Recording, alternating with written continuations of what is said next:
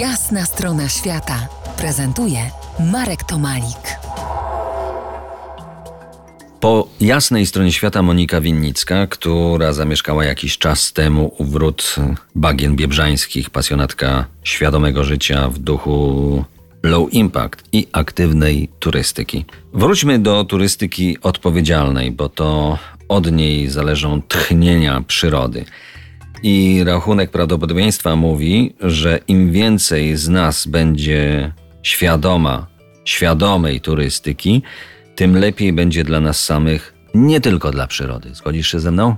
Absolutnie. Turyści, których widuję tutaj, czy z mojego okna, czy w obejściu, bo sprzedaję też bilety do Biebrzeńskiego Parku Narodowego, więc wiem komu, a przynajmniej mi się wydaje, to są naprawdę najrozmaitsi ludzie. Moją ulubioną grupą są rowerzyści którzy żyją w ten sposób, że e, ogólnie polegają na sile swoich mięśni i własnej zaradności podczas podróżowania, więc są to ludzie nastawieni tak naprawdę na, na przeżywanie tej przyrody, będąc bardzo blisko niej, ponieważ e, ludzie, którzy przyjeżdżają tutaj samochodami, oni mkną sobie przez tę carską drogę, zatrzymując się czasami, by podziwiać jakieś atrakcje. Natomiast z okien samochodu, nawet przy prędkości 50 km na godzinę, nie bardzo można wiele zobaczyć. W tym roku zdarzyli mi się również piechurzy, wyobraź sobie, y, natomiast było ich może troje. Ale też zdarzyli się ludzie na wielkich, bardzo hałaśliwych motorach.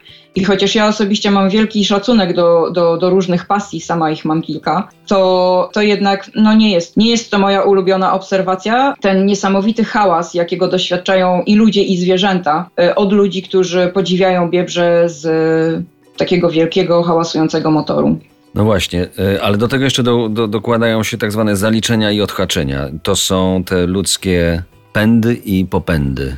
Ponieważ y, popularność Biebrzy i w ogóle Podlasia y, rośnie z roku na rok, to y, bywają tutaj ludzie, którzy po prostu, wydaje mi się, chcą to sprawdzić, chcą sprawdzić to miejsce jako destynację turystyczną, więc przyjeżdżają tutaj sobie zupełnie nie wiedząc, y, na co się piszą, zupełnie nie spodziewając się tego, że będą ich gryzły gzy albo inne y, strzyżaki na przykład, prawda, jesienią. No to na tym tle to jeszcze te mniejsze grzechy, instagramowanie, selfo, fotografie, łapanie emocji w ekran, a przecież mamy oczy.